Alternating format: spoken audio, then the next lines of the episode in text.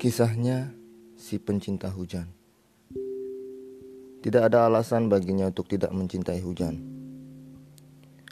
Sebab menabung rindu pada setiap rintik di tengah terik bukanlah hal yang menarik. Tetesnya yang hadir dengan tiba-tiba juga tanpa aba-aba adalah antibiotik untuk hatinya yang terluka. Luka yang diakibatkan langkah yang enggan berpamit setelah hadir dengan manis bersama jutaan harap kini lenyap. Begitu menggelitik memang ketika menatap angkuh hadirnya pergi dan melupakan jalan kembali.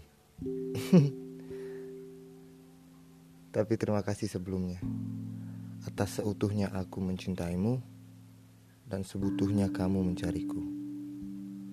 Seutuhnya aku menyayangimu dengan khawatir yang menguat pada dinding kecemasan dan sebutuhnya kamu pergi dengan senyum yang dulu pernah aku ciptakan. Benar, kini aku telah kalah. Terkapar melawan sepi, tersungkur menepis rindu, basah akan liur caci,